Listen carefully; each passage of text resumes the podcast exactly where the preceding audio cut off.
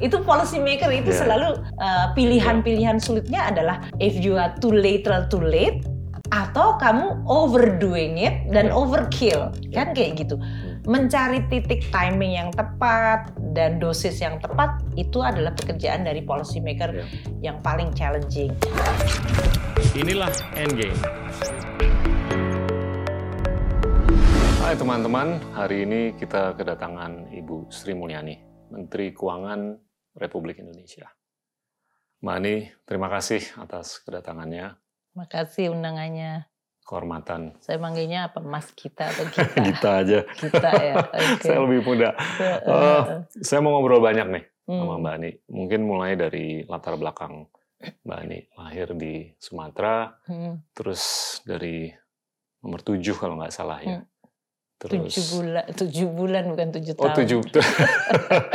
terus gimana bisa sampai ke sini gitu loh, belajar Hmm. ekonomi, terus Hmm. sekolah di UI dan lain-lain. Silakan. Waduh, itu Ya. perjalanan panjang banget ya. Orang tua saya adalah guru pada saat Siap. itu. Eh, mereka mahasiswa dari Gajah Mada, eh, Fakultas Pendidikan dulu, belum separate menjadi IKIP. Kemudian untuk mereka bisa jadi sarjana, mereka harus wajib kerja sarjana, maka mereka memilih ke Sumatera. Tapi orang tua saya menikah dan waktu itu anaknya udah tiga waktu eh, memilih untuk pindah ke Sumatera untuk wajib kerja. Di Sumatera lahir anak keempat, lima, enam, tujuh. Saya yang nomor tujuh. Terus habis itu sudah selesai masa penugasan di sana, beliau pulang kembali ke Yogyakarta ya dalam hal itu. Dan kemudian beliau karirnya terus eh, di bidang pendidikan sampai mereka menjadi eh, apa me- membangun IKIP Semarang dulu namanya dan sekarang menjadi Universitas Semarang. Ya. Nah, saya eh, sebagai anak ketujuh dari 10 bersaudara Wow. gitu ya. eh, senang karena di dalam rumah itu sama seperti kayak sekolahan orang tua kita karena pendidikan jadi kayak men-treat kita sebagai anak maupun sebagai murid. Eh, it's quite eh, a learning dan formasi dalam hidup saya. And then saya meneruskan kuliah di UI. Satu-satunya dari 10 anak yang waktu itu sampai yang ketujuh yang tidak ingin menjadi dokter atau insinyur. Orang tua saya selalu memikirkan anaknya either masuk kedokteran atau insinyur. Jadi kakak saya itu dokter di UI, empat di ITB, satu di Wow. di UI lagi eh, kedokteran di Undip. Jadi saya satu-satunya yang walaupun jurusan IPA kepingin masuk non eksakta. So I choose economics karena ada Turns out math. okay. Turn out okay. Wal- Walaupun nobody knows waktu itu apa itu economics. Tapi saya tahu bahwa itu ada math-nya, ada behavior-nya, psychology, which is aku suka sekali.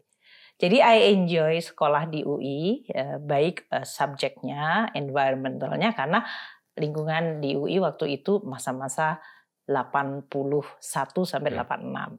Masa-masa belum reform. eh, Ya. Semua mahasiswa masih idealis dengan berbagai macam keinginan untuk mengubah Indonesia menjadi open, demokratik, transparan Betul. karena waktu zaman Pak Harto waktu itu. And to make the story short, selesai dari UI, aku ditawarin eh, beasiswa Yep. untuk ngambil master dan PhD. Sebetulnya master degree. Pilihan antara UK sama US, Hmm. akhirnya aku pilih yang US hanya karena mereka membolehkan saya apply untuk PhD program while I'm taking my master. Di Amerika sama suami, suami sekolah, saya sekolah, dapat anak satu, uang habis, suami pulang bawa anak, saya nyelesain disertasi. That's a painful time at that time. Terus pulang tahun 88, eh 88 saya berangkat, 92 saya selesai. PhD. And then uh, continue my career di UI waktu itu. Ngajar. Uh, uh, 92 ngajar menjadi direktur penelitian waktu itu Pak Darmin sebagai direkturnya uh, di LPEM and then sampai saya menjadi kepala LPEM-nya waktu Pak Darmin direkrut menjadi uh, salah satu uh, dirjen di Siap. Kementerian Keuangan zaman Pak Sapa Afif kalau nggak salah. Ya. And then krisis ekonomi 9798 kita tahu uh, kita mungkin Ya. masih kecil kali waktu itu. Eh, not that Iya, young. still balita. 9798 is like devastated for the country ya. Nah, saya sebagai ekonom udah dapat PhD. Uh, waktu itu saya S1-nya bidang moneter, S2-nya saya ngambil fiskal. And then terjadi krisis gitu dan krisisnya krisis perbankan gitu. So banyak sekali masyarakat yang nggak tahu, even dalam lingkungan akademik aja what is happening, what is going on. Dan waktu itu kan kompleks sekali, si krisis ekonomi karena krisis perbankan, nilai tukar, kemudian menimbulkan krisis politik. Pak Harto step down, ya. kemudian muncul reform. Jadi karir saya dibentuk oleh situasi krisis, krisis. itu yang hmm. menyebabkan Eh, pada saat itu kebutuhan adanya ekonom yang bisa menjelaskan secara relatif gampang ya. mengenai how complex the crisis dan the implication for ya. Indonesia. Karena memang betul loh uh, Gita kalau Anda lihat sesudah krisis 9798 kan Indonesia totally different. Ya. Dari sisi ekonomi kita punya Bank Indonesia tiba-tiba independen. Tadinya dia menjadi bagian dari Dewan Moneter di uh, Kementerian Keuangan keuangan negara yang dulu APBN itu nobody look at it gitulah. Yeah. Sekarang menjadi totally harus melalui proses dengan DPR yang yeah. sangat diatur rigid. Harus diaudit oleh BPK hmm. yang sekarang menjadi independen dari pemerintah. Dan kemudian harus dipertanggungjawabkan lagi, dibahas lagi di DPR. Yeah. Suatu perubahan paradigm dari sisi eh, mengelola keuangan negara and sistem akuntansinya. Oh, I can talk very long about this reform di keuangan negara. So in short, waktu itu ekonomi kita berubah banyak. Namun kemudian saya banyak sekali kemudian di UI hmm. mengajar, bahkan mengajari banyak sekali media kita waktu itu. Kita belum punya podcast belum gitu ya media baru belum keluar ada. belum ada online gitu ya. So media cetak dan media TV itu adalah yang paling hit. Yeah. dan waktu itu banyak wartawan masih muda-muda yang pertama mereka nggak punya background ekonomi dan how to understand how to report mengenai krisis saja. Belum masalah IMF program hmm. negosiasi isi LOI yeah. dan yang lain-lain. And then aku udah punya anak tiga terus exhausted. Waduh banyak sekali kerjaan. So I want to take a break gitu. Jadi aku sama suami sama tiga anak kita ke Amerika untuk sabbatical tapi sebetulnya saya kerja sebagai konsultan. And waktu saya sedang sabbatical saya di call untuk pergi ke Washington menjadi eksekutif director di IMF ya. oleh Pak Menteri Keuangannya Pak Budiono waktu itu presidennya Ibu Megawati. Ya. Mereka bilang you have to ke Washington kamu menjadi eksekutif director. And I'm okay, I'm still enjoying with my family. Anakku masih kecil-kecil jadi yeah. seneng banget. Jadi kita pindah dari Atlanta ke uh, Washington DC. Dua tahun saya di sana. I think everybody happy and I was about to be agak diperpanjang extension yeah. dari assignment saya. Yeah. Terus Pak SBY kepilih menjadi presiden. Panggil lagi. Terus aku ditelepon lagi. Jadi hidup saya itu ditelepon mendadak, tiba-tiba suruh pindah gitu aja. So I I move ke Jakarta lagi diwawancara di Cikeas waktu itu. And then jadi menteri Bapenas. Jadi Bapenas kena tsunami lah Republik Indonesia. tsunami itu kan totally devastated. Eh, seluruh dunia lihat wow Aceh hilang hampir sepertiga itu kotanya. Waktu itu George Bush datang yeah. Iya. yang senior, kemudian Bill Clinton dan segala macam. Jadi perhatian internasional yang sangat overwhelming itu kita harus koordinasi. Jadi ya. Bapenas saya mencoba mengkoordinat hmm. kita buku bikin rehabilitasi dan reconstruction Aceh. And Indonesia hit by oil price yang mencapai 100. 47. Uh, uh, yeah. waktu itu gue saya bilang akan 250 bahkan. Terus Pak SBY memutuskan saya pindah ke Menteri Keuangan. Ya. So that was my career sebagai menteri selalu ada krisis kemudian dipindahin taruh di situ terus kita ngadepin APBN gitu and then uh, Pak Menko-nya Pak Budiono tiba-tiba Pak Budiono harus jadi gubernur Basin oh, uh, gubernur okay. Bank ya, Indonesia yeah, okay. dulu yeah. Tuh. dan nggak ada yang jadi Menko so aku menjadi Menko dan Menko selama 18 bulan gaji gajinya satu, so it's quite like all those issue hmm. terus kita dihadapkan krisis tahun 2008-2009 yaitu global financial crisis.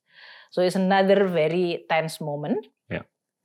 yang membutuhkan banyak sekali experience waktu kita dulu 9798 namun this time asalnya sumbernya dari luar bukan dari dalam Indonesia.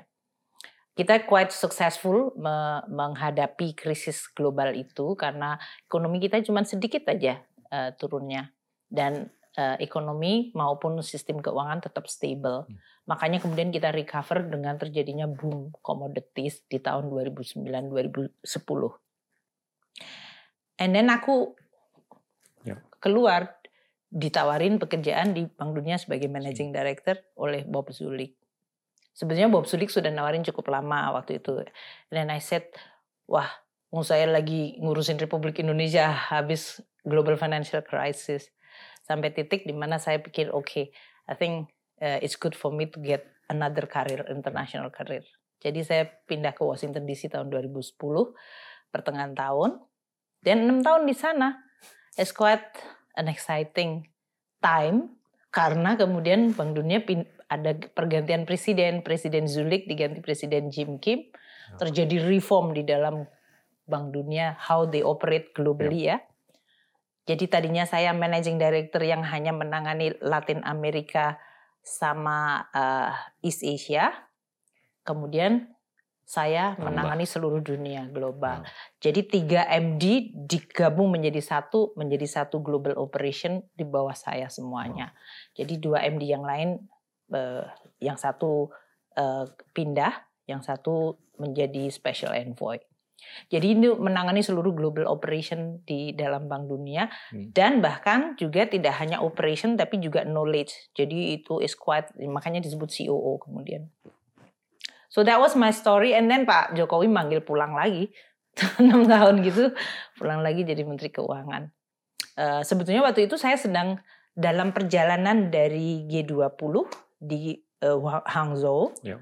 Kemudian sebelum saya biasanya kalau di dalam Bank Dunia itu kalau saya sedang pergi ke satu region saya ke beberapa negara kita. Siap. Jadi waktu saya ke Cina saya pergi ke Malaysia dan ke Indonesia yeah. gitu tiga negara in one trip gitu. Nah Jakarta is my last trip And then saya nggak boleh pergi lagi karena Mensesnek bilang hari Rebo mau di di Panggil. di nggak dipanggil dilantik. saya udah dikasih tahu dari saya datang arrive di sini ya hari Minggu. Wow. Senin saya masih ada acara Bank Dunia, Selasa saya harus supposed to be another acara. Rebo itu saya pagi ada acara, sore harusnya pulang lagi ke Washington DC. Wow. And then dibilang, kamu Rebo harus sudah dilantik gitu. So it's quite uh, akrobat lah waktu itu untuk harus menginformasikan Washington DC, presiden dan yang lain-lain. So that was the story. And then pulang ke sini jadi jadi menteri diumumkan Pak Jokowi sama Pak JK di istana uh, wartawan pada tepuk tangan gitu, welcome back home Bu gitu.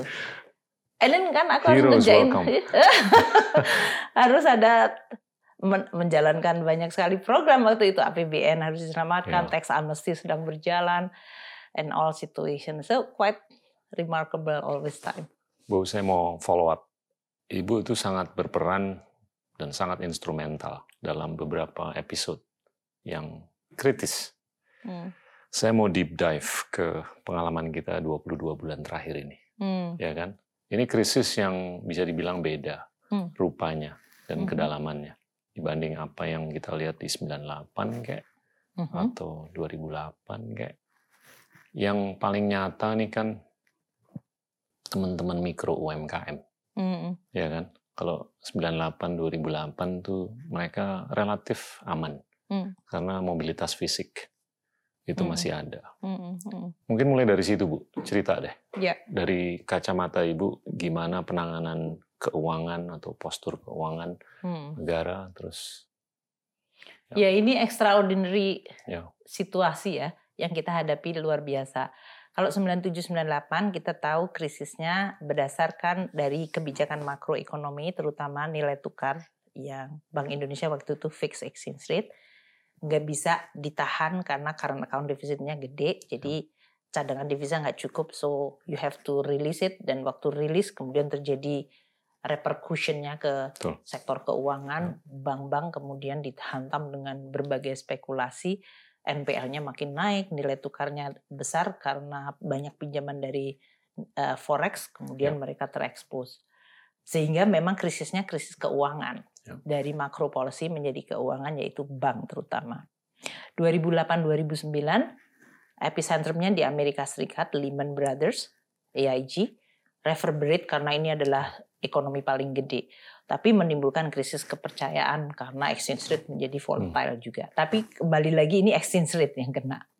Yang ini kita hadapi itu makhluk nggak terlihat Betul. ya penyebabnya. And then suddenly Anda bisa kena fever kalau Anda nggak cukup kuat, Anda harus ventilator and then die. Terrifying karena kita nggak lihat tapi kita lihat konsekuensinya.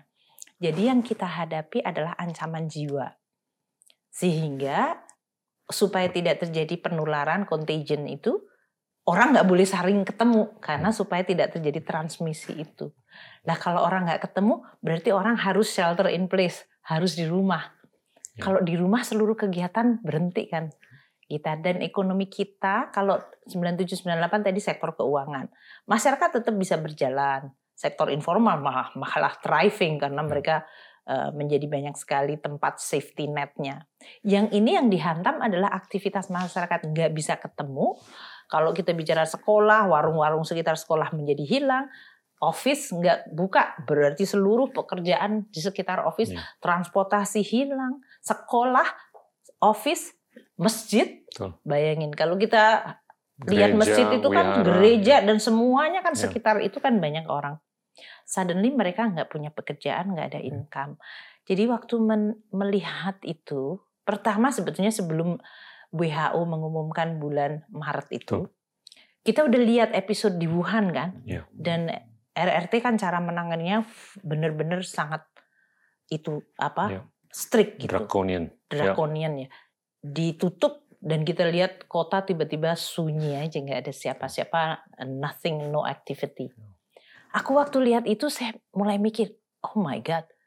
Waktu itu kan kepikiran kita turis jangan sampai keluar dari Cina untuk masuk ke Indonesia. Makanya waktu itu turis ditutup kan dari RRT, entah terutama di Manado, di Bali. Nah dua provinsi ini yang akan terhantam kita coba kasih bantalan, makanya kasih insentif waktu itu. Namun begitu lihat di Singapura, canggih yang tadinya kita semua lihat itu adalah suatu airport yang nggak pernah hmm. tidur, nggak ada orang, nobody kan ada waktu itu viral ya yeah. orang. Kosong. Saya ngeliat total. This is gonna be really consequential. Jadi hmm. even before diumumkan WHO, saya sudah lihat, oh this is gonna be really bad untuk ekonomi. Jadi waktu itu sampaikan ke presiden, Bapak ini kayaknya membutuhkan suatu penanganan yang akan extraordinary. Ya. Begitu WHO diumumkan dan kita harus melakukan PSBB waktu itu, ya.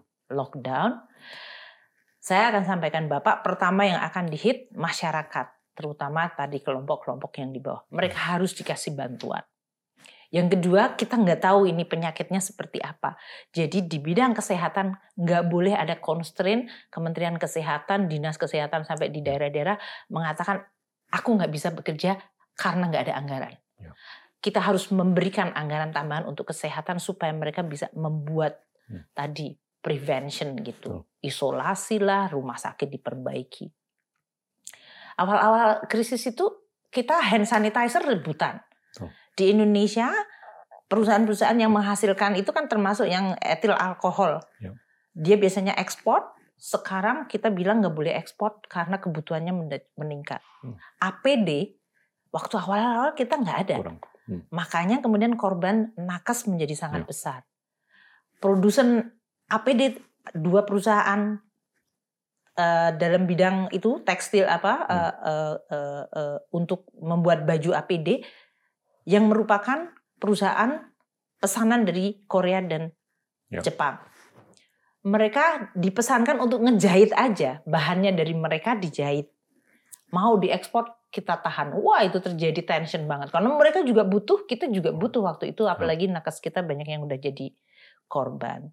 Sehingga awal-awal itu memang is a real kayak kita menghadapi sebuah musuh yang tidak terlihat tapi. Ancamannya sangat nyata. Jadi insting dari sisi policy kita adalah tambah jaring pengaman sosial karena masyarakat tiba-tiba kehilangan pendapatan. tambah anggaran untuk kesehatan dalam menangani tadi dari mulai sanitizer, APD sampai kemudian imported untuk testing, uh, tracing. Dan kemudian kita harus melindungi terutama UMKM. Ya. Maka kita pikiran pasti mereka nggak bisa kerja. Gimana caranya ngasih social safety net? Pasti mereka nggak bisa kerja. Gimana kasih bantuan produktif? Pasti kalau mereka pinjem dia nggak bisa nyicil. Gimana ya. si peminjamnya dikatakan jangan nagih dulu Tuh. selama 12 bulan kita nggak tahu mereka nggak bakalan hmm. bisa bayar. Jadi pinjamannya harus ditunda. Bunganya kita bayarin, pemerintah hmm. yang bayarin.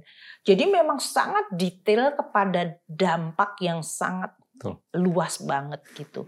Namun APBN kan nambalin segitu Tuh. banyak sementara semua ya. bisnis tutup. Berarti penerimaan pajak kita turun. Harga minyak sempat nol rupiah ya. kan waktu itu Tuh. for two days. So saya bilang, so where's the money come from gitu. Pasti defisit akan lebih dari tiga persen. Makanya Presiden mengeluarkan Perpu nomor satu mengatakan for this very particular time yeah. kita boleh defisitnya di atas tiga persen. Tapi kita buat hanya untuk tiga tahun. Hmm. Jadi waktu itu memang suatu pekerjaan yang all out ya, yeah. Dian ya. Uh, karena uh, kita karena kita tidak pertama tidak ada negara yang siap waktu yeah. itu untuk ngadepin konsekuensi yang begitu luas even negara yang punya social safety net. Aku kan banyak teleponan dari teman-teman oh, iya. Menteri Keuangan Australia, dia cerita bagaimana mereka membantu social safety net melalui tadi uh, membantu mereka yang biasanya kerja harian di kafe sebagai uh, waitress nggak bisa kerja karena ditutup, mereka nggak bisa bayar renting yep. house-nya.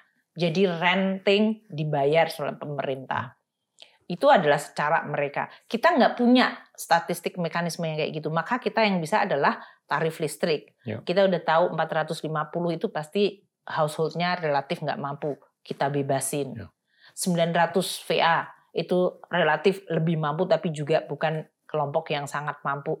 Kita kasih diskon 50%. Hmm. Internet kita berikan. Ya. Karena tiba-tiba masyarakat semua rely on internet. Jadi dibebaskan. Ya. Guru dosen, mahasiswa, murid, pesantren, semuanya dikasih pulsa internetnya ya. kita bayar ke Telkom dan kita katakan nggak ada charge untuk ya. itu. Ya. Jadi es wah luar biasa lah kalau bisa dikatakan dan kita membuat policy itu pada saat kita nggak boleh ke kantor ini. Ya. Kita Gila. melakukannya dengan Zoom yang Gila. tadinya kalau mungkin kalau lihat di Instagram saya Zoom yang hari-hari pertama dan waktu itu begitu uh, salah satu menteri kena COVID, semuanya terrified kan, siapa lagi yang akan kena. Kebetulan saya habis itu melantik salah satu staff saya dan waktu saya memberikan pidato saya batuk. Terus saya bilang, ah dikira saya kena COVID sampai kayak gitu. semua. semua parno. So over weekend banyak spekulasi Ibu Menteri Keuangan kena COVID. So I have to show di dalam Zoom mengatakan saya baik-baik saja. Terima kasih atas concernnya.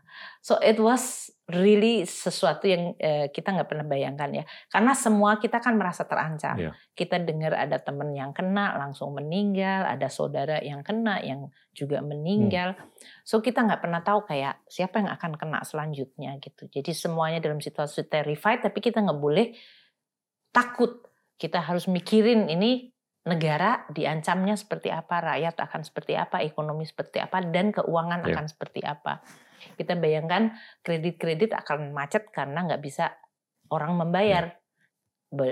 Boro-boro bayar kredit, mereka hidup aja nggak bisa kan kayak gitu. Jadi kita udah bayangkan keuangan perbankan akan menghadapi NPL meningkat. Jadi kami BI, OJK, LPS dalam KSSK merumuskan langkah-langkah untuk membuat stabilitas sistem keuangan tetap ya. terjaga. Bu, ini kan mungkin banyak yang belum paham ini keniscayaan bahwa di level perorangan, korporasi, ya tentunya negara, aktivitas utang tuh harus meningkat untuk bisa survive kan. Dalam situasi yang sekarang nggak ada pilihan. aja saya ya. banyak yang hmm. nambah hmm. untuk gali lubang tutup lubang atau untuk survive. Hmm. Hmm. Di level korporasi juga, hmm. karena keterbatasan mobilitas. Hmm. Mungkin ini kesempatan untuk bisa menjelaskan hmm. logika kenapa negara itu harus meningkatkan level utang yang niscaya harus dilakukan kan.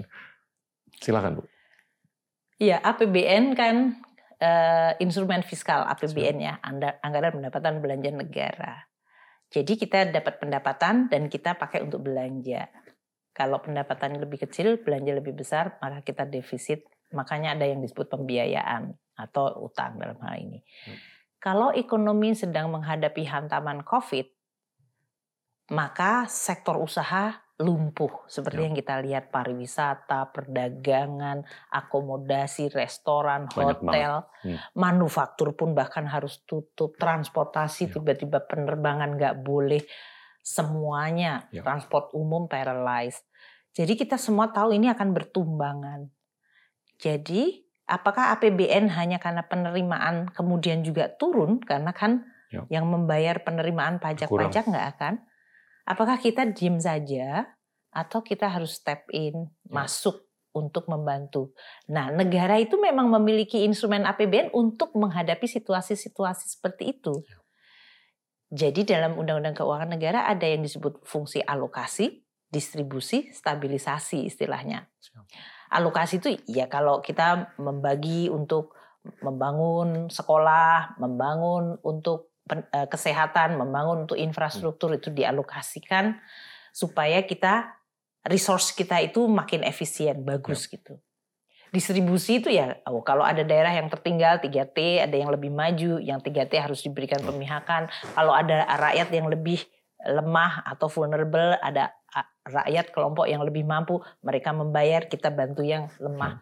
Ya. Itu fungsi distribusi melalui APBN. Yang stabilisasi ini ya kalau ya ekonomi lagi guncang, ancur, kita harus ngangkat ke atas. Ya. Ekonomi lagi overheating, kita harus ngademin itu namanya uh, stabilisasi. Nah, ini adalah contoh ekonomi guncang ancur ke bawah. Nah, fungsinya adalah gimana? Ya nahan supaya jangan terjun payung walaupun kita belum mendapatkan penerimaan karena penerimaan lagi jatuh gitu. Ya. Jadi memang kita harus memberikan bantuan tadi kesehatan, bantuan sosial, bantuan UMKM, meskipun kita lagi nggak dapat penerimaan. Namun kan ini nggak selamanya. Nanti hmm. kalau ekonomi pulih kan kita bisa dapat lagi. Jadi waktu itu Pak Gita, kita memikirkan Gita, makanya paknya saya hilangin lagi kita. Still very young. Oke. Okay. Jadi waktu itu pemikirannya gimana ya pada saat penerimaan jatuh, tapi kita harus melakukan tugas kita. Ya. Namun jangan sampai ini menjadi alasan untuk menimbulkan kebiasaan fiskal policy yang buruk, ya. yang careless, yang Siap. tidak bertanggung jawab. Ya. Makanya di dalam Perpu disebutkan kita boleh melakukan kondisi yang sangat tidak biasa itu tiga tahun aja. Siap. Jadi dalam tiga tahun kita harus berdisiplin kalaupun Anda harus melakukan bantuan ke masyarakat, eh, dunia usaha UMKM, kalian juga harus tetap jaga ini penerimaannya. Ya. Nah, oleh karena itu, dalam tiga tahun ini kita tahun 2020 memang lumpuh penerimaan kita jatuh hampir uh, untuk pajak itu sampai 18 persen, bayangkan. Total penerimaan kita turun hampir sekitar 16 persen, karena biaya cukai masih cukup bagus tapi belanja kita naik hampir 15 persen. Ya. Jadi belanjanya melonjak tadi untuk kesehatan, penerimaan jatuh. Makanya defisitnya di 6 ya. persen, 6,1 persen. Apakah itu uh, harus dilakukan? Menurut saya iyalah. Mau membantuin no rakyat nggak ada pilihan, no choice yeah. gitu ya. Apakah bisa dilakukan lebih baik? Pasti. Makanya yeah. kita hati-hati tadi. Yeah. Gimana konsekuensinya dengan utang yang nambah? Ya kita harus kelola habis itu. Ya. Tapi jangan sampai kita kemudian oh supaya APBN kita selamat, biarin aja ekonominya menggelepar-gelepar dan ya. kemudian uh, dia uh, apa tidak survive. Jadi memang APBN itu sebagai instrumen pada saat itu menyelamatkan negara dan menyelamatkan ekonomi. Tahun 2021 kita harus turunkan, makanya defisitnya kalau tahun 2020 6,1 kita turunkan ke 5,7 dan sekarang dengan harga minyak bagus, batu bara bagus, ya. CPO bagus, pemulihan ekonomi Mulai. terjadi, kita mendapat penerimaan cukup bagus. Ya. Belanjanya tetap didisiplinkan mana nih yang vaksin iya, kemarin kena varian Delta, tagihan untuk banyak sekali perawatan sangat tinggi sampai 90 triliun. Belanja untuk memberikan insentif eh, bagi sektor yang masih kurang kita berikan. Ya. Karena kita ingin pemulihan benar-benar terjadi. Dan memang sudah terjadi beberapa ekonomi sudah tumbuh, region itu cukup bagus. Kita kena delta kemarin, maka kita fleksibel lagi, adapt lagi, melakukan adaptasi kita. Dan kita lihat akhir tahun ini kemungkinan defisitnya udah akan turun. turun. Ya. Dari yang 6,1 kemungkinan kita akan di 5,1 sampai 5,3. Ya. Ini udah turun hampir satu persen dari GDP. Ya. Tahun depan kita sama DPR ini tahun yang ketiga, yang terakhir kita desain di 4,7 ya. Kalau dengan komoditi price-nya masih bagus, pemulihan akan kuat dan pada saat kita situasi kayak gini kita sama DPR terus berkomunikasi. Ya gimana nih caranya? Meskipun kita kadang-kadang melalui Zoom, kadang-kadang kita meeting fisik. DPR alhamdulillah tuh mendukung ya. kita reform pajak selain undang-undang cipta kerja ya yang dilakukan. Kita juga mereform pajak kita yang kemarin barusan sekitar dua minggu yang lalu uh, di approve oleh DPR. Itu nanti dari sisi PPH, PPN, ketentuan umum, bea dan cukai semuanya direform. Tujuannya apa? Supaya nanti waktu pulih kita bisa mengumpulkan penerimaan ya. untuk apa? Untuk ngembaliin tadi kesehatan APBN. Untuk apa supaya APBN sehat? Nanti kalau Indonesia ngadepin situasi yang nggak bagus, kita udah punya instrumen yang relatif siap lagi. Jadi itu tadi ya, ya. Uh, uh, Gita yang saya sampaikan. Ya masyarakat, saya rasa yang mayoritas sih memahami situasi siap. itu. Apalagi kita coba untuk menjelaskan kenapa kita melakukan ya. itu, bagaimana kita melakukan kehati-hatian apa yang dilakukan kita menyampaikan ke masyarakat, kita menjelaskan melalui medsos termasuk ya. podcast ya. seperti ini dan melalui grafis, data dan yang ya. lain-lain. Namun kalau politik ada aja yang selalu ngobong-ngobong itu pasti. kayak gitu. Tapi ya nggak apa-apa namanya demokrasi okay. ya. Namun kemudian kita lihat surat berharga negara kita yaitu surat ya. utang ya. kita dalam negeri dan luar negeri. Seluruh negara waktu utangnya naik, spreadnya terhadap Amerika itu ya. melebar kan, menurun. kita kita menurun Tuh. karena kita bagus ya. tadi rating kita hari ini Fitch saya dengar dia akan tetap mengatakan Indonesia stable karena mereka percaya pada kredibilitas ini yeah. bahwa kita jagain tiga tahun hati-hati yeah. kita berkomunikasi ini loh kenapa defisitnya yeah. lebih gede dan gimana cara kita untuk memulihkan kembali yeah. and saya dengan Bank Indonesia bekerja sama untuk membuat tadi kerjasama menghadapi situasi yang extraordinary right. ini kan kita buat SKB eh, kerjasama untuk financing di mana Bank Indonesia step in untuk membeli surat berharga negara. Itu semua kita lakukan secara transparan, ya. akuntabel. Dijelaskan kenapanya, ya. untuk apa uang itu. DPR mengetahui, BPK mengaudit, Bank Indonesia dan kami menjelaskan, kita menyampaikan ke semua channel, rating agency melihat. Jadi menurut saya sih ya kita akan berusaha, Ya. insya Allah baiklah, insya Allah. Bu, ini saya mau apa ya memberikan sinyal yang optimis lah.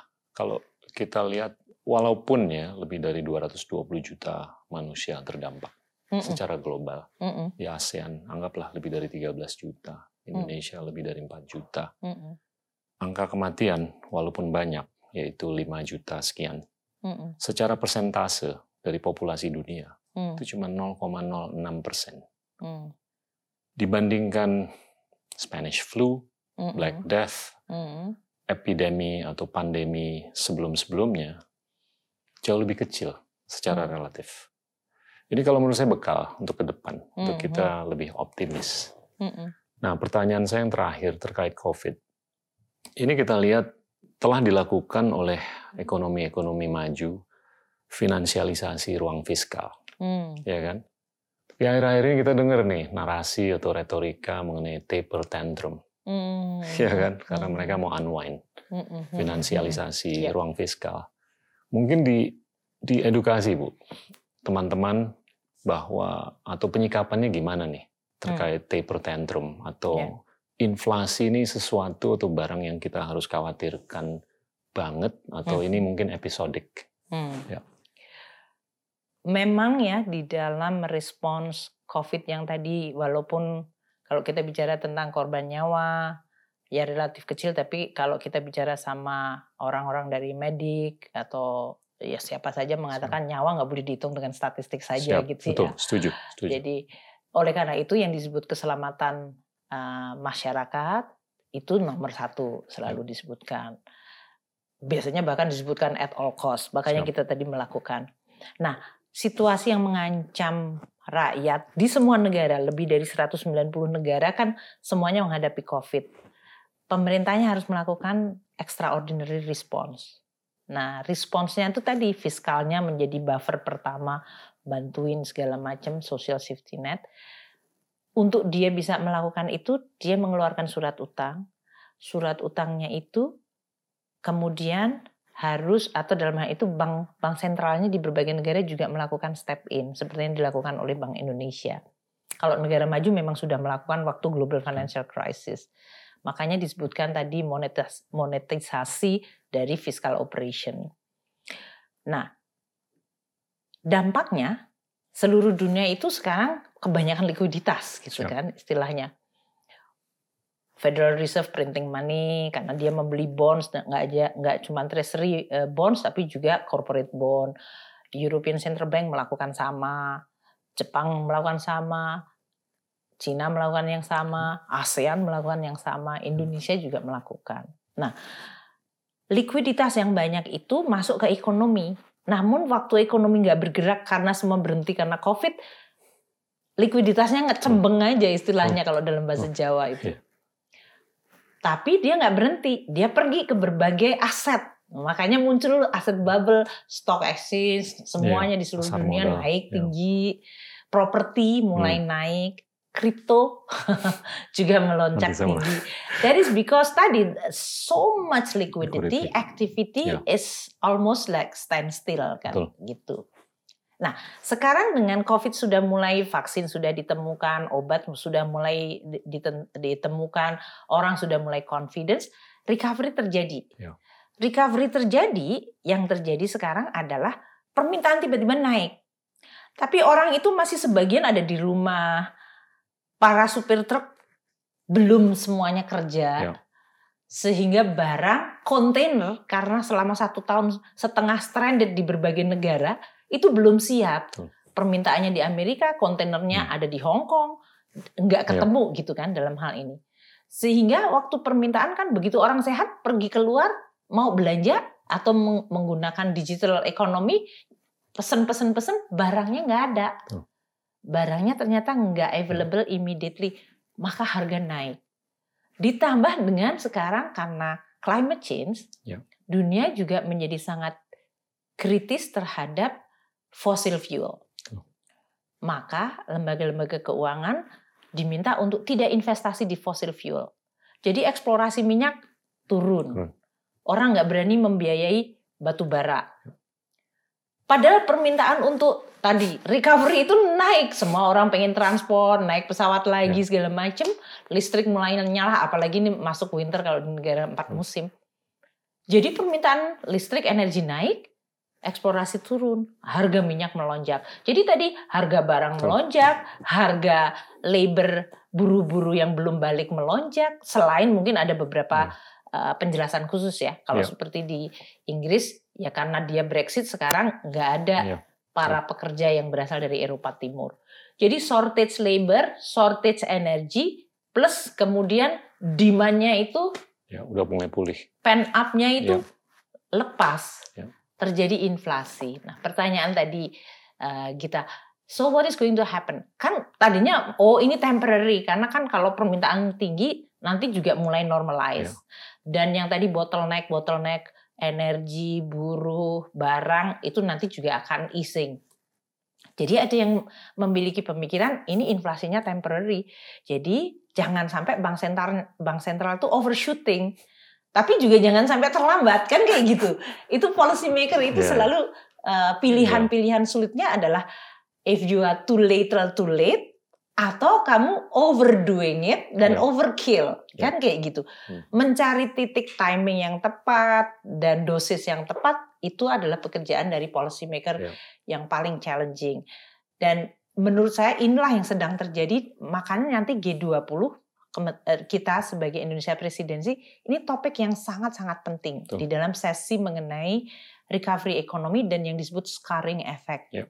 Bagaimana ekonomi itu terhantam COVID mengalami luka yang dalam pulihnya dari demandnya cepat tapi supply side-nya itu constraint tadi Ya, makanya supply betul. disruption ini akan menimbulkan scarring effect dan komplikasi policy Indonesia perlu eh, bagaimana makanya kita sebut pertama covid kita alhamdulillah bagus. Ya. sekarang kita di bawah 300 bahkan. Pada saat di Eropa semuanya lagi naik karena delta varian gelombang keempat. Namun kita tetap waspada karena ada Nataru ya sebentar lagi. Hmm. tahun lalu Nataru bulan Maret COVID-nya naik. Makanya kita PSBB Ya. makanya ekonomi kita terhantam bulan Maret eh, dua minggu terakhir itu. Jadi kita juga tetap harus belajar dari just recent kemarin Delta kita Ya. nggak boleh complacent Betul. kita memang menaikkan vaksinasi jadi dari sisi COVID-nya harus tetap menjadi Ya. perhatian kita dari sisi pemulihan ekonominya inflasi kita itu lagi rendah banget Ya. Mas Ian di 1,6 Ya. sementara di Amerika sudah di atas 6 persen Ya. tertinggi dalam 30 tahun terakhir even Jerman itu di atas 4 persen Ya. yang biasanya mereka inflasinya almost zero Ya. Jadi di negara-negara lain sudah mengalami pressure harga yang tinggi mereka pasti akan mulai mengetatkan tapi central bank sama menteri keuangan di negara itu juga akan berunding seberapa cepat mereka harus Ya. tapering, seberapa cepat mereka mengetatkan. Kita di sebagai emerging tahu kalau di sana diketatkan ta- pasti terjadi capital outflow. Ya. Maka kita harus melihat Indonesia kan kita melakukan reform FDI sekarang masuk Ya. kita, which is good. Ya. Kalau FDI itu nggak bisa dia bolak-balik gitu. Once Betul. you invest, ya you invest gitu. Hmm. Makanya kita jaga iklim investasi kita bagus sehingga capitalnya itu inflow nggak outflow Hmm, terlalu mudah. Yang mudah itu ya kalau beli saham, Siap. surat berharga negara.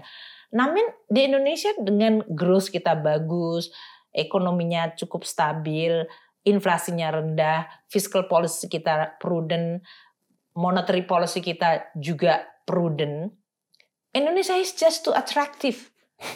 Sangat menarik Iya. dibandingkan kalau sekarang itu banyak emerging country yang lain. Argentina in crisis, Turki sedang dalam situasi yang tidak mudah, Brasil juga terkena inflasi tinggi dan policy mix-nya masih sangat struggle, Afrika Selatan. Jadi Indonesia is a big enough country, Yep. demand maupun marketnya besar, polisinya Yep. bagus, sound, prudent, dan kita sedang dalam recovery, Yeah. COVID-nya turun. So we are in a position untuk bisa menjaga itu. Nah kami akan terus waspada, tadi yang sampaikan, moneter dan fiskalnya, Yeah. untuk jagain tadi stabilitas dan juga sentimen supaya kalau bumpy di luarnya kan yang nggak yang nggak bisa kontrol seperti kita naik mobil yang nggak bisa kontrol adalah jalannya itu akan terjal ada aja bolong-bolongnya yang bisa kita kontrol mobil kita sendiri jangan sampai udah ada bolongan gede kita hajar aja Oh, terus iya. shock breakernya patah Ya. jadi kita harus juga tahu kapan sedikit ngerem kapan kita harus uh, mengadjust pada saat kita melihat jalannya itu bisa tadi very dynamic, ada lubang di sana, ada terjal di sini, ada badai di situ. Itu yang akan kita hadapi. Menggunakan metafor mobil, Bu, mungkin klaksonnya Hmm. harus dipencet lebih sering. Gini Bu, saya mau narik dari investasi. Hmm. Kalau saya lihat data FDI, ini kan udah bagus nih, mengarah ke arah yang benar. FDI per orang Hmm. per tahun untuk Thailand, Hmm. Filipina, Indonesia, sekitar seratusan dolar Hmm. per tahun. Singapura antara 16 sampai 19 ribu dolar. Vietnam, Malaysia 200 sampai 300-an dolar. Saya intuisi ya Bu ya, ngelihat dengan kualitas atau atribut yang begitu positif, Hmm. skala, Hmm. demografik, policy, apakah itu moneter, fiskal, dan Hmm. apa pun lah yang kita sudah lakukan. Nggak ada alasan kan untuk Hmm. jarum di 100 dolar itu Yep, bisa naik, setuju. ya kan, ke Hmm. angka yang lebih tinggi. Hmm. Gimana Bu? Apa yang the average Indonesian needs to do? Kita kan bekas ketua BKPM, jadi tahu betul ya. So that is exactly. Jadi kita tahu FDI masuk kalau dia anggap negara itu atraktif. Atrak, atraksinya apa? Pertama, apakah dia a safe place untuk invest? Ya. Gitu. Safe itu ya artinya ada certainty dari Siap. sisi kontrak, law, kepastian berusaha, dan gak banyak ketidakpastian perubahan-perubahan aturan. Makanya Undang-Undang Cipta Kerja kita lakukan. Siap.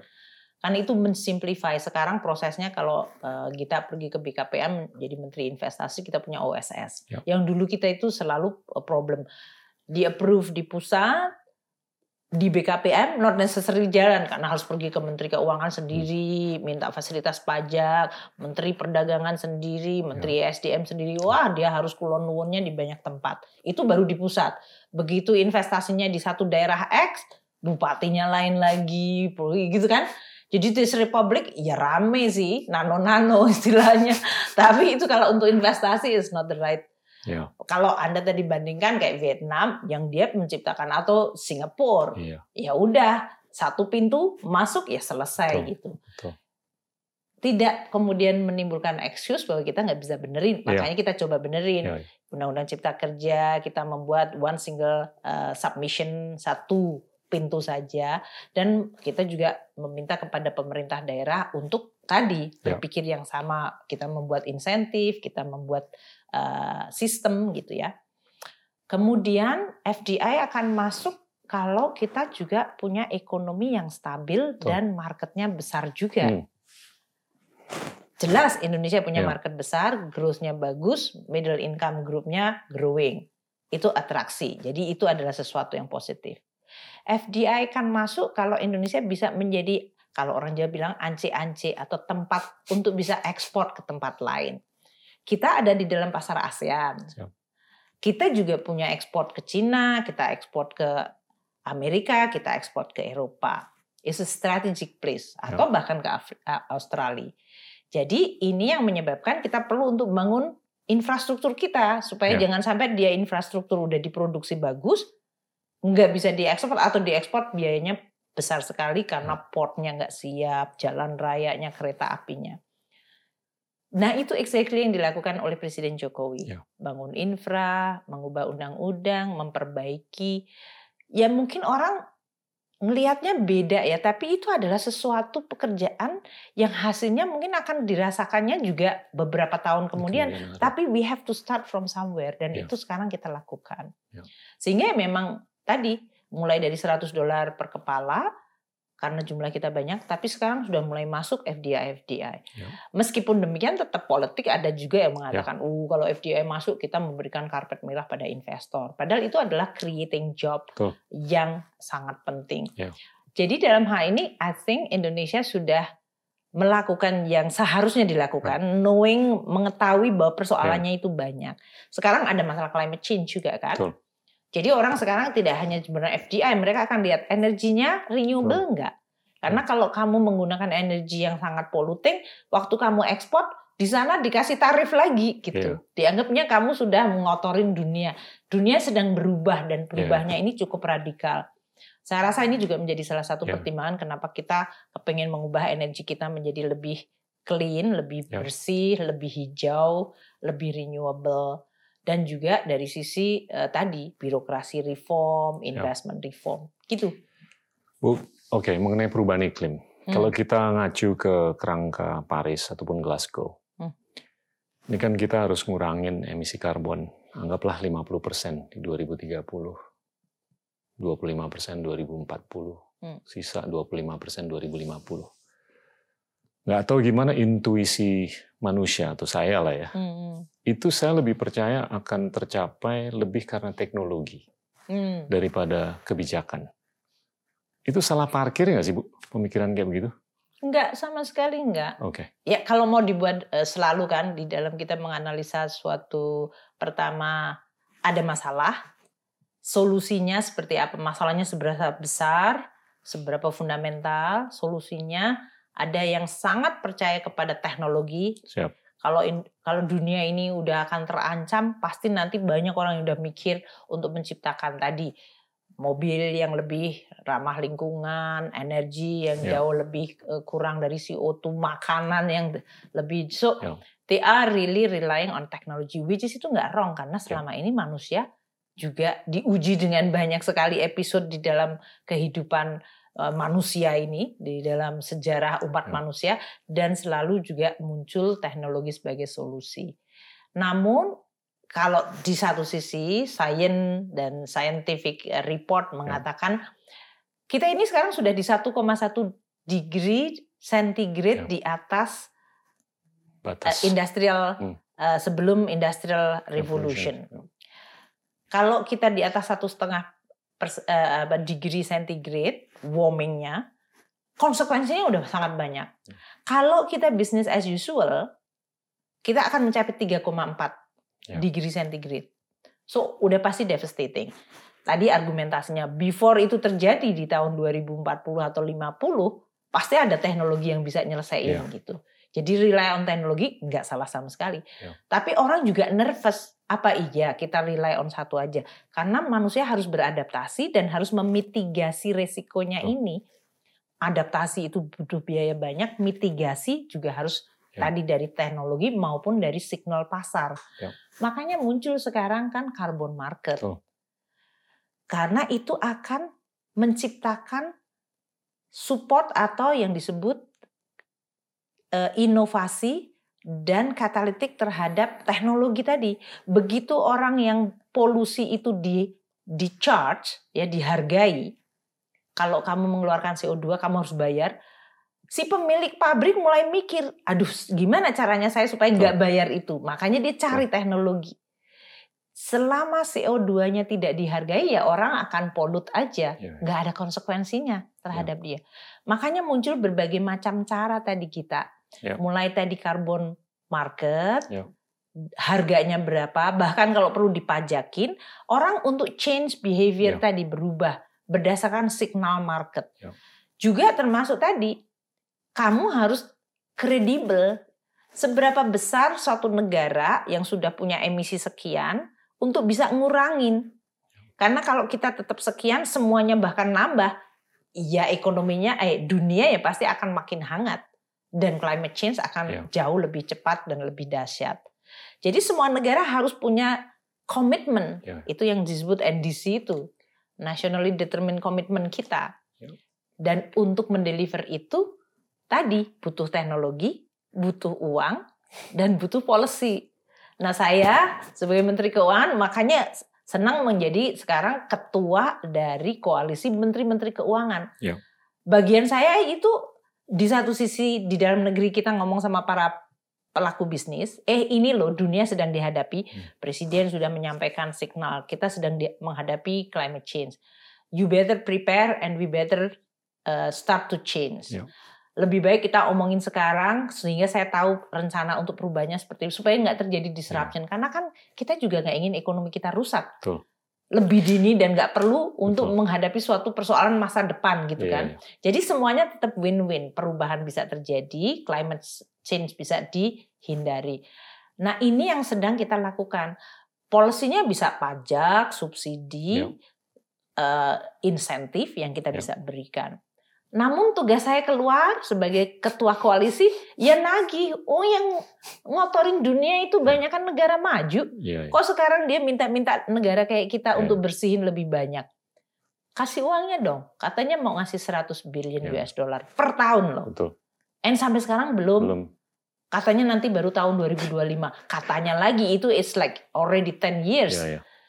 Jadi kita akan mengatakan there is money, there is technology, and policy.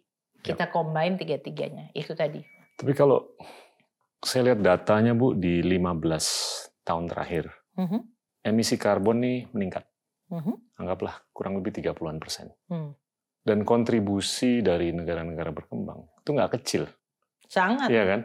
Nah, pertanyaan saya adalah terkait dengan DNA-nya negara berkembang adalah untuk terus berkembang kan. Mm-mm. Kita harus tumbuh. Iya dong. Dan pertumbuhan tuh nggak bisa Tanpa CO2 segampang yang kita pikirkan kan dilakukan dengan iya. renewable strategy. Yep. Karena renewables tuh scalability-nya belum proven Hmm. dan mahal sekali kalaupun ada scale.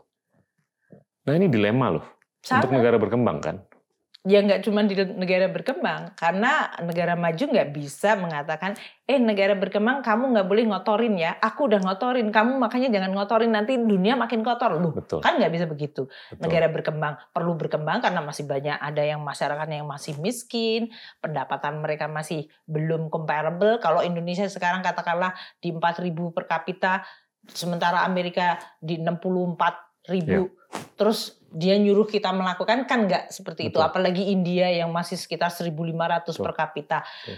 so makanya suara Nggak negara berkembang ya kita kita kan tetap berhak untuk membangun ekonomi dan masyarakat kita namun kita juga mau kontribut untuk tidak mengotori dunia seburuk seperti yang pernah dilakukan Ya. oleh negara maju jadi apa solusinya? Lagi-lagi teknologi. If you give me the technology tadi untuk energi, Iya. karena kalau di Indonesia itu ada dua sektor yang luar biasa penting.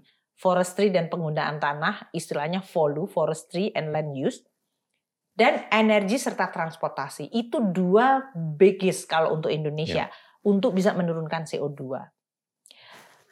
Kalau untuk forestry, makanya Bapak Presiden kalau kita lihat berkali-kali kan sekarang nanam mangrove, nanam Ya. karena it's cheaper, lebih murah dan itu setiap lembar daunnya itu mengabsorb CO2-nya quite efektif dan ya. remarkable. Hmm. Makanya ya kita harus perbanyak aja. Tadi def- eh, deforestasi harus di, di apa dibatasi, reforestasi harus digalakkan. Ya. Sehingga net-netnya di dalam forest dan land use itu menjadi net positif untuk mengurangi CO2, untuk me- me- mengeluarkan oksigen lebih banyak. Transport, ya kita harus bangun mass rapid transit sehingga Ya. orang tidak lagi lebih suka naik sepeda, naik apa yang disebut kereta, sehingga nggak semua orang naik mobil sendiri-sendiri yang kemudian CO2-nya makin banyak. Kemudian energi tadi Ya. renewable. Nah sekarang orang mengatakan yang reliable itu yang fossil fuel, either batu bara, gas, atau minyak.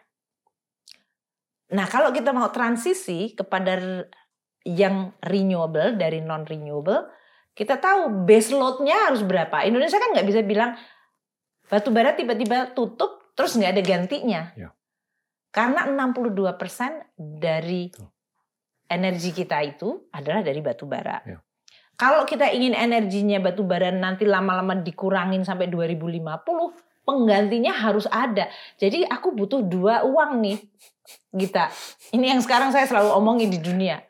Aku butuh satu uang untuk meretarget batu bara Iya. karena ini udah dikontrakin. Iya. Umpamanya, umpamanya kita punya pembangkit batu bara, udah jual ke PLN kontraknya 30 tahun. Sekarang aku bilang bisa nggak kontraknya diperpendek supaya polusinya nggak sampai 30 tahun, diturunin 15 tahun. Si pe- pengusaha batu baranya ya bisa aja asal ibu kompensat saya dong. Saya kehilangan 15 tahun Betul. terakhirnya. So I have to find money untuk compensate itu kan. Iya. Siapa yang bayar? Kan Iya. kayak gitu. And then si batu bara yang di retard 15 tahun itu kan harus muncul penggantinya. Iya. Tidak hanya gantiin yang 15 tahun yang hilang, kita sekarang dengan ekonominya growth tinggi, permintaan energi makin tinggi. Jadi kita tidak hanya menggantikan ini, kita menambah capacity. Iya. Jadi butuh uang untuk apa? Untuk membangun yang renewable. So I have like need to have two pot of money Iya. to retire and to build. Itu ke tadi belum bicara tentang reliability, Hmm. intermittent tadi Betul. yang disebut base energy, teknologinya reliable atau enggak. Dan belum lokasi. Kalau Bapak Presiden kan sering mengatakan kita punya banyak sekali renewable seperti hydro. Ya. Karena kita punya lebih dari 4000 sungai. Tiga sungai aja bisa mengeluarkan lebih dari 10 gigawatt. Eh, itu gede banget. Iya. Tapi tempatnya di Kalimantan, tempatnya ada di Papua, Konsumsinya di sini. konsumsinya di Jawa. So you really have bring those ke Ya. Indonesia atau kita bring aktivitasnya Ya. pindah ke sana juga. Iya. Nah, hal-hal seperti ini investasi yang luar biasa besar yang sekarang kami di Kementerian Keuangan mencoba menghitung sehingga kita nggak boleh cuman pidato-pidato terus iya climate change dan segala macam atau kalau saya diminta oleh negara-negara maju, eh Indonesia harus kontribut kayak gitu. Emang kamu udah bayar berapa ke kita? Kan enak jadinya kalau saya bilang aku butuh sekian and you never actually paid me anything. Do you have any moral position untuk bisa dictate us? Kan kayak gitu, enak banget kan ngomongnya. Nggak usah teriak-teriak gede-gede sih, ngomong enak kayak gitu tapi jelek gitu Iya. kepada mereka. Itu yang saya bilang, ya itu. Kalau kita berjuang, kita harus berjuang di semua level Betul, supaya kita setuju. bisa menjaga Indonesia. Speaking of levels, the last level tuh kalau menurut saya gimana kita harus mengedukasi generasi Z. Hmm, Dan akhir-akhir ini saya sering saya sering ngobrol hmm, mengenai perubahan iklim. hmm, hmm. Dan banyak Dan mereka yang excited ya. excited, tapi ada Senang. juga yang belum ngeh. Oke. Karena kalau saya bilang ini finite Hmm, karbon kita. hmm, Yang tersisakan ini cuma 2000 sampai 3000 gigaton. hmm, Emisi per tahun 60 sampai 70 gigaton. hmm, Lu tuh cuma punya 50 tahun. ya. Kecuali Betul. kalau lu siap jalan kaki ke kantor. Iya kan? Nah itu akhirnya begitu saya cerita begitu Mm. ngeh mereka. Wah Mm. kalau gitu kita harus melakukan dekarbonisasi Mm, mm, apa pun mm. caranya. Hmm, hmm. Tapi ini penting bu untuk Sangat, disosialisasikan. sangat. Hmm, hmm, Bu saya mau nyambung ke teknologi, hmm, ya kan? Saya ini ngelihat ada beberapa observasi.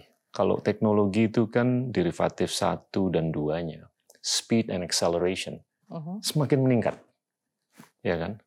Dan dalam batas logika kalau speed and acceleration meningkat, margin of error semakin besar, error semakin besar. hmm, Nah ini saya mau bungkus nih dalam konteks yang keren banget di kalangan anak-anak muda, namanya blockchain. hmm, Blockchain ini fenomena yang gila, pertumbuhannya 120% per tahun. Internet pertumbuhannya per tahun cuma 60%. Hmm, Blockchain ini kan aplikasinya yang paling banyak akhir-akhir ini di kripto. Hmm. Kenapa kripto laku? Karena orang udah nggak percaya lagi dengan uang beredar. Terlalu infinite. hmm, Sedangkan kripto itu finite. hmm, Terus kedua udah nggak ada gold standard lagi. hmm, Tiga, ini sebagai hedge hmm, terhadap terhadap inflasi. Yang terakhir, banyak yang nggak ngeh mengenai kebutuhan energi. hmm, Nah ini balik lagi ke percakapan yang tadi kan. hmm, hmm, hmm, hmm. Ini kalau saya hitung-hitung kebutuhan untuk Bitcoin aja energinya itu Hmm. sama dengan kebutuhan energi di satu negara namanya Argentina dalam setahun. Hmm, Ya kalau kita mau mengpopulerkan hmm. blockchain, kita juga harus mikirin renewable strateginya. Hmm.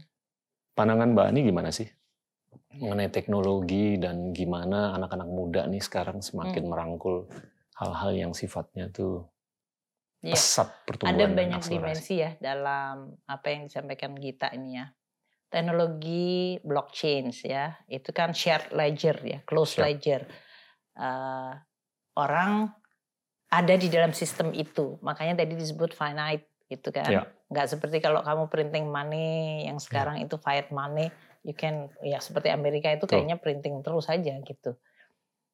Sehingga ya itu di governance atau di ditata kelolakan dan di sustain dengan suatu sistem tertutup. Nah, tadi ada banyak aspeknya. Aspek pertama tadi disebutkan orang nggak percaya atau kepingin pindah ke sini. Yang seperti sebetulnya pada awal percakapan kita tadi, dunia ini banyak sekali likuiditas tadi dari fiat money ya, uang uang yang di dikelola oleh atau yang otoritasnya adalah bank sentral, bank sentral di seluruh dunia. Mereka print money untuk jagain ekonomi. Karena COVID kemarin di print lebih banyak lagi supaya ekonominya kembali bangkit. Tapi kemudian eksesnya ya di this money mencari tempat untuk diinvest. Salah satunya yang melalui tadi kripto tadi atau bitcoin tadi. Makanya harganya naik tinggi banget. Kedua, ini adalah mau disebut currency tapi bank sentral nggak mau ngakuin ini currency. Makanya disebut komoditas. Siap. Tapi dia udah pakai coin atau currency gitu kan, cryptocurrency, bitcoin gitu. Dari sisi bank sentral mereka merasa, lu ini kok tumbuh terus dan tumbuhnya tadi nggak cuma double digit ya, ratusan persen. Saya sudah banyak juga masukan dari orang-orang pengusaha dalam negeri yang merasa lu kayaknya ini nggak kerja apa-apa, dia dapat duitnya Iya. gampang banget Iya. gitu. Sehingga regulator seluruh dunia, bank sentral terutama, mulai memikirkan ini harusnya under whose regulation ini gitu. Karena seperti tadi fast and accelerate bisa terjadi crash. Ya. Itu yang terjadi dengan biasanya bubble and burst. Ya. Nah ini ya pasti akan akan uh, terjadi suatu koreksi yang nanti akan ada korbannya.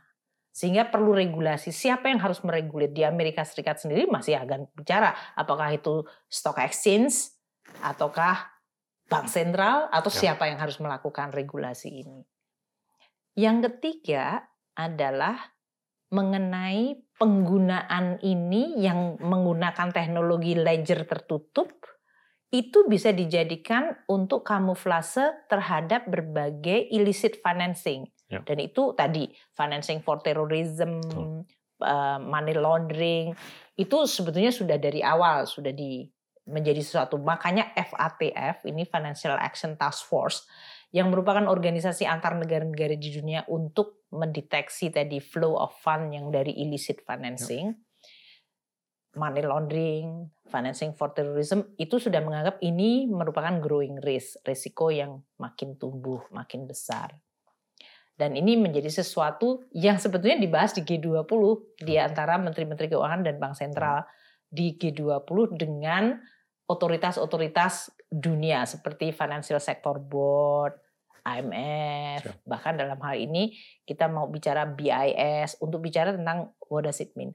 Banyak beberapa negara yang sudah mulai mengakomodit teknologi ini. Yeah. Umpamanya waktu itu Singapura, London melakukan karena diakui teknologi ini dari ongkos transaction cost very rendah hmm efisiensi sangat tinggi.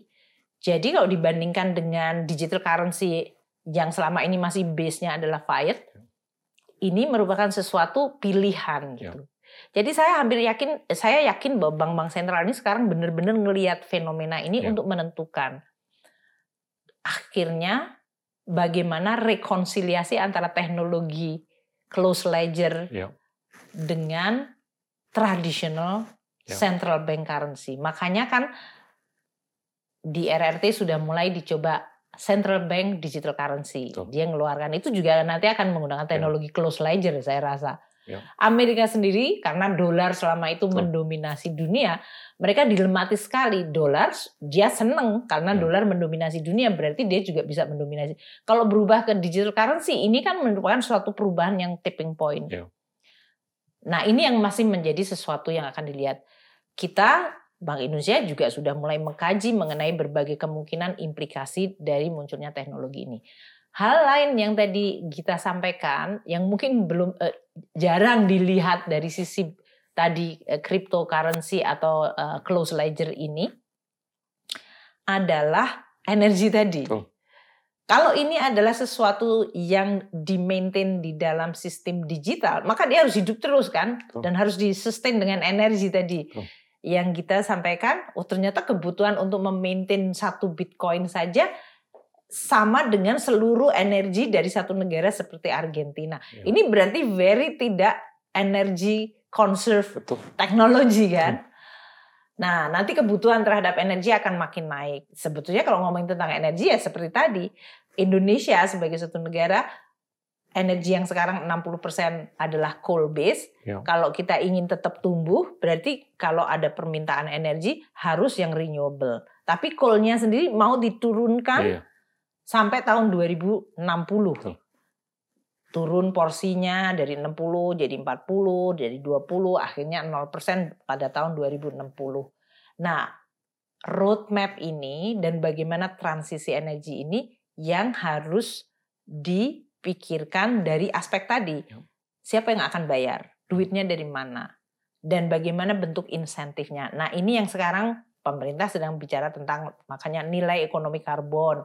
Saya kemarin waktu di Glasgow launching Energy Transition Mechanism dengan ADB di mana tadi yang saya sebutkan membutuhkan dua pot, yang satu uang untuk meretire coal earlier, dan satu pot money untuk membangun renewable yang lebih cepat. Tapi ini kan sangat menyederhanakan masalah ya. karena in between butuh banget tadi insentif, subsidi, implikasi harga Betul. listrik, apakah lebih murah atau ya. lebih mahal? Kalau lebih mahal gimana kita memberikan subsidi?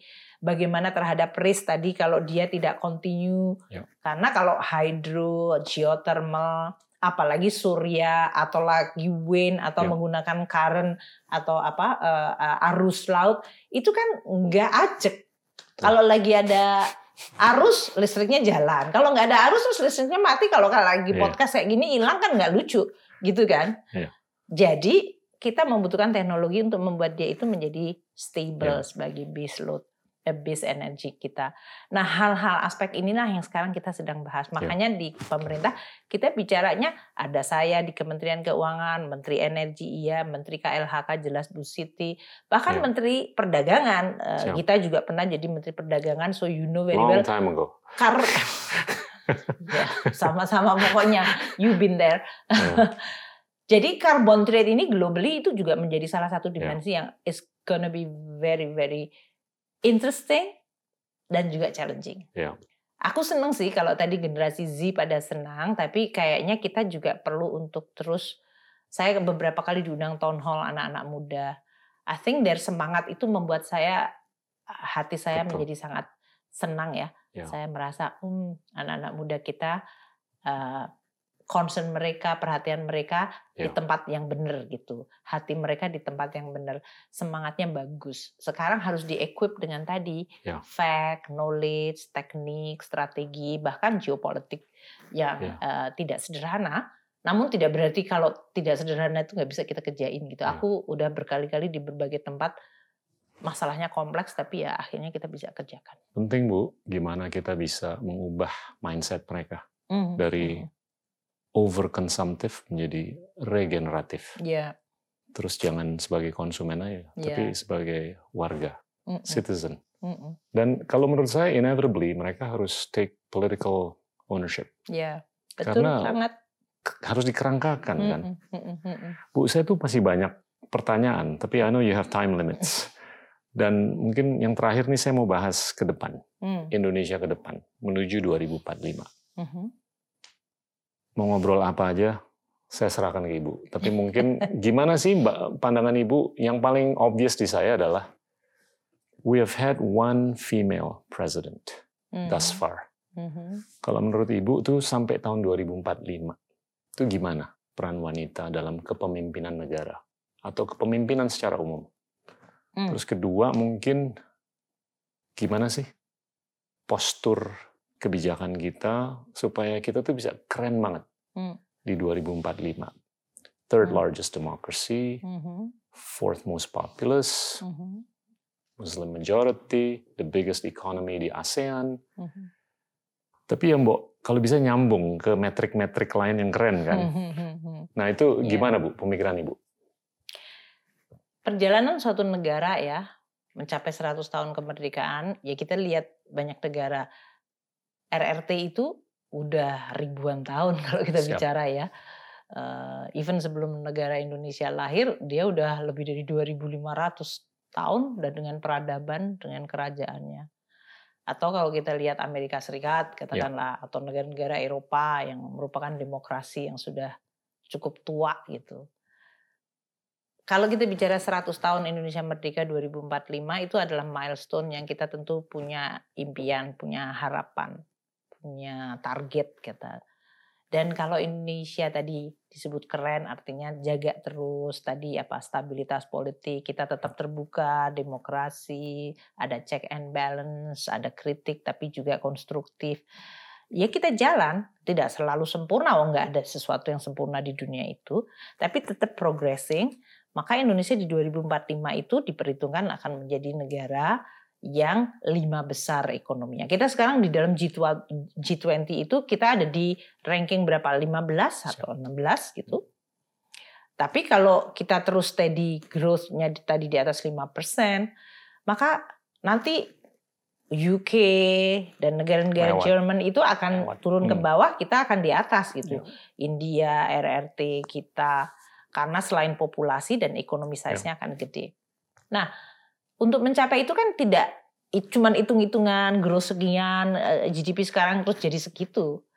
There are so many necessary condition yang harus Yep. dihadapi, yang harus kita bangun. Tadi reform tetap dijalankan. Reform ke mana? Reform yang membuat pemerintahan itu menjadi bersih, efisien, akuntabel, melayani. Jadi siapa saja nanti yang berkuasa, regardless partai politiknya, dia harus punya behavior yaitu akuntabel, bersih, melayani. Jadi kalau kita berkompetisi secara demokratis bukan untuk grabbing the power tapi how to serve people better than others gitu kan yep. kompetitornya. Harusnya kan kan gitu. Debat polit polisinya adalah seperti itu. Nah, itu dari sisi pemerintahan. Infrastruktur harus dibangun, sistem kesehatan harus dibangun supaya kita nggak kena pandemi ya. Eh, kelimpungan seperti dunia saat ini yang memang luar biasa kelimpungannya. Indonesia relatif bagus meskipun sistem kesehatan kita masih tetap harus diperkuat. Pendidikan jelas sangat core di ya. dalam reform ini. Sehingga kita nanti punya SDM yang baik, institusi publiknya bersih, accountable, efisien, infrastrukturnya bagus, sehingga Indonesia bisa tadi growing menjadi negara yang tadi disebut keren. Reform di sisi hukum penting banget, ya. gitu kan.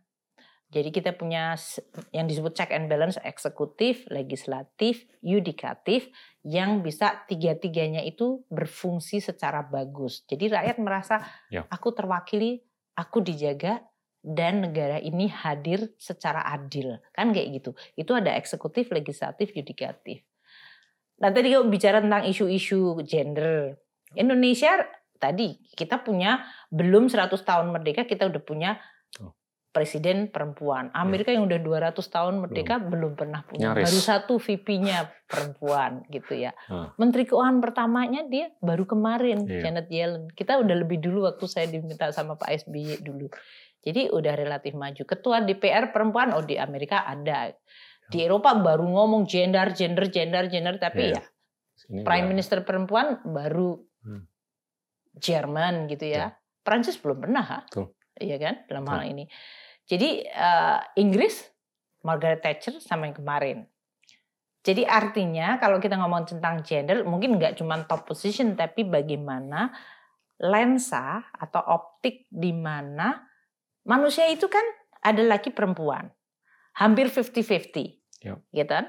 Paling 51 49 bahkan perempuannya atau, lebih. Iya, makanya 51 49 perempuan bahkan lebih banyak gitu. Kalau Anda memperlakukan perempuan itu cuma sebagai appendix, itu catatan akhir gitu. Ya berarti Anda wasting half of Tuh. those population Tuh. sebagai sesuatu yang padahal mereka kalau kalau bicara tentang sekolah, kita lihat aja deh. Biasanya yeah. yang juara kelas itu perempuan. Cewek. Top yang cowok 5 nyontek dari cewek. Iya. Top 5 perempuan, top 10 baru ada laki-laki tiga gitu ya.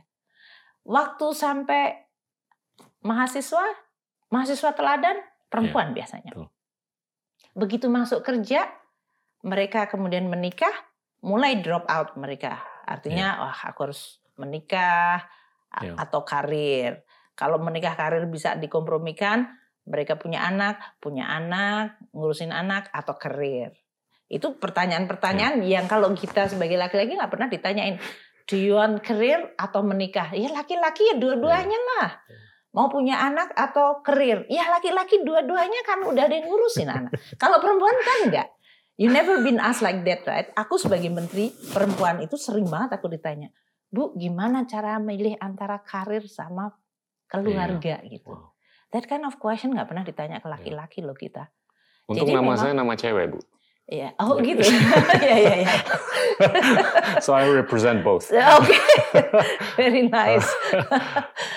Artinya itu ya saya mau mengatakan perempuan itu along their ability untuk mengkontribut kepada masyarakat, mereka menghadapi tantangan yang tidak sama dengan iya, iya. laki-laki. Kadang-kadang bahkan karena secara social norm, uh, cultural, bahkan religious interpretation yeah. itu dijadikan sebagai alasan untuk beban perempuan itu menjadi lebih berat. Yeah, yeah. Semuanya kayaknya defaultnya ya perempuan yang bertanggung jawab. Gua dong yang keren di luar yeah, yeah. gitu. Betul. Kalau perempuan di luar keren, ditanyain keluarga kamu berantakan nggak gitu kan kayak gitu selalu kalau laki-laki berantakan nggak ada yang nanya juga gitu jadi that kind of asymmetric treatment memang membuat uh, perempuan itu quite yeah. tough ya untuk mencapai hmm. suatu posisi. It doesn't mean bahwa kita itu give up. Jadi contohnya kalau saya di Kementerian Keuangan kita coba supaya anak-anak muda yang kerja yeah. ini tidak menimbulkan tension trade off waktu melahirkan. Saya bilang laki-laki boleh paternity leave, harus nungguin istrinya dan anaknya. Yeah. Itu kan memberikan moral support. Yeah di sini harus ada lactation room ya. sehingga itu bahkan saya minta kalau memang ada tempat untuk childcare dilakukan juga untuk membuat childcare hmm. menjadi penting untuk kita semuanya jadi ada gesture-gesture yang mungkin untuk laki-laki dianggap nggak terlalu penting ya, ya. tapi untuk perempuan itu everything itu ya. itu sesuatu yang sangat-sangat penting buat mereka dan coaching sebetulnya ya. laki-laki itu memberikan peranan penting loh kita seperti kamu itu itu your gesture gitu untuk bisa memberikan appreciate yeah, iya. ruang yeah. yang sama opportunity yeah. itu akan memberikan dampak yang luar biasa kalau sama perempuan biasanya kita juga saling mendukung ya dalam hal ini ini ada ini empiris loh hmm. mbak di di venture capital hmm. ada studi hmm. yang menyatakan semakin diversitasnya meningkat ROI-nya return Lebih on bagus. equity Jauh lebih bagus, bukan yes. lebih bagus saja. Jauh lebih bagus. Well, itu udah tadi cukup lama. Kalau yeah. aku waktu di Bank Dunia kan juga karena sebagai COO kita membuat yang disebut salah satu yang disebut uh, mainstreaming itu adalah gender. Itu yang namanya uh, uh, cross cross cutting issue. Itu kita lihat kalau di korporasi board yaitu dewan direkturnya kalau laki-laki semua ya you have like a boys club gitu kan Kadang-kadang ya itu tadi, itu kan kejadian di berbagai teknologi oh, iya. kayak Google iya, iya. maupun di Facebook. Waktu mereka mendevelop artificial intelligence, karena itu ada Bros Club, dia nggak tahu bahwa ternyata perempuan tuh beda. Iya. Jadi waktu bikin AI-nya seolah-olah semua manusia tuh laki. Lain kan? Jadi hal kecil tapi yang iya. menunjukkan bahwa if you don't have gender sensitive, ini menyebabkan bayangkan kalau di dalam korporasi kita kalau kamu sebagai CEO apalagi jadi owners, kan kamu kepingin kalau invest itu dia thriving dan tahu risikonya di mana. Iya. Tapi kalau kamu boardnya laki semuanya, kamu merasa udah wah sebagai konformis. Ya, uh, mereka cuma ya itu aja yeah. lemah sakit saling gagah. Nggak ada yang lihat ke spion. Eh di situ di iya. belakang ada atau lihat ke depan bakal di atas sekarang ini lagi banyak awan sebentar lagi hurricane akan muncul nggak punya kepekaan itu yeah, yeah. karena ada yang disebut club mentality. Nah, diversity itu menyebabkan boardnya itu bisa melihat semua alternatif. Itu yeah. kan bagus. Oh, di sini kalau di antara laki-laki nggak lihat bahwa ini adalah opportunity, tapi kalau ada perempuan itu sebetulnya bagus loh. 50% dari populasi itu perempuan. That's really a big market. Yeah. That's another opportunity.